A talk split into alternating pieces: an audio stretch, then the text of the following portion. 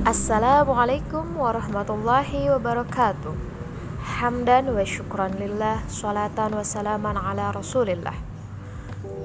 طيب أيها الطلاب نرحبكم جميعا بقسم تعليم اللغة العربية بجامعة إندونيسيا التربوية نحن الآن في المحاضرة تهذيب الأخلاق مع أستاذ الدكتور سفيان ثوري الماجستير والآن نحن سنتعلم عن الإخلاص هل أنتم تعرف ما معنى الإخلاص؟